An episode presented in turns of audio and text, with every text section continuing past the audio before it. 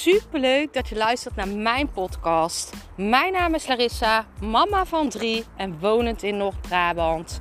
Toen ik in 2020 voor stadium baarmoederhalskanker kreeg, is het roer van mijn leven omgedraaid. Ik kwam in aanraking met de wet van aantrekking en sindsdien is alles veranderd. Ik begon mijn eigen baby- en kinderkledingmerk en nu wil ik duizenden mensen inspireren met mijn kennis.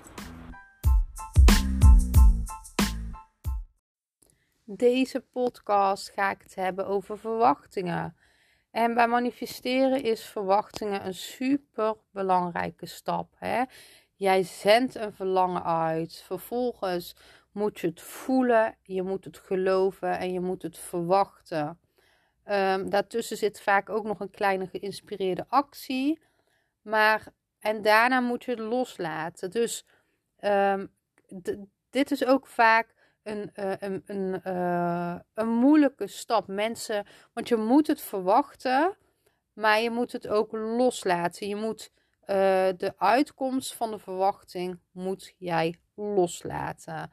Daarom is het een super mooie, een, een super mooie manier om hier beter mee om te gaan, is elke keer weer terug naar het nu gaan.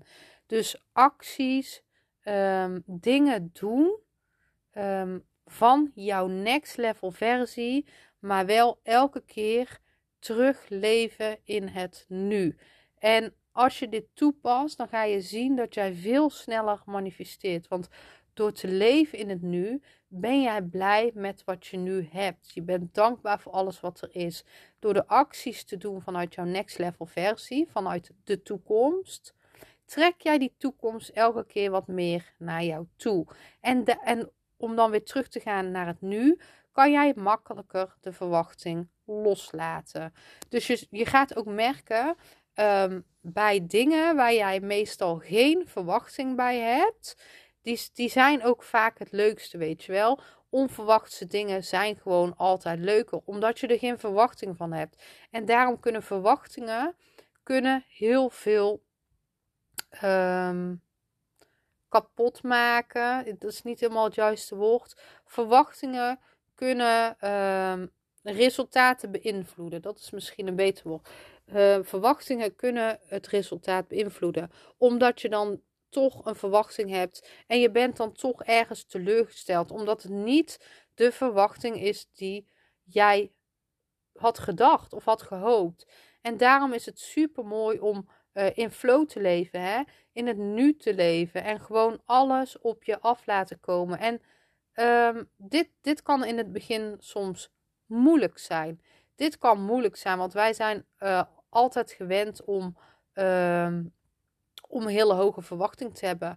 Of sommige mensen zijn ook zo, die zeggen: Ja, ik ga me uit van het slechtste, want dan valt het altijd mee. Dat is ook weer geen goede instelling, want daardoor trek jij dat aan. Dus je moet het verlangen, je moet het verwachten, je moet de actie nemen. En daarna moet je terug in het nu, zijn, nu gaan en focussen op dankbaarheid en focussen op alles wat er wel is.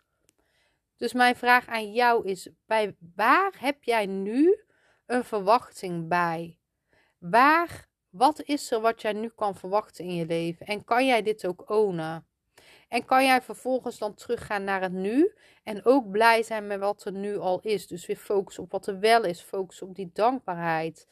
Ik ben super benieuwd naar jou. Laat het me weten.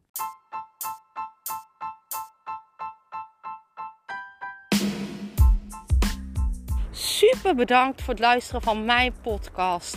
Ik zou nog één dingetje van je willen vragen en dat is: zou je alsjeblieft deze podcast willen delen in je Instagram story en mij een beoordeling willen geven.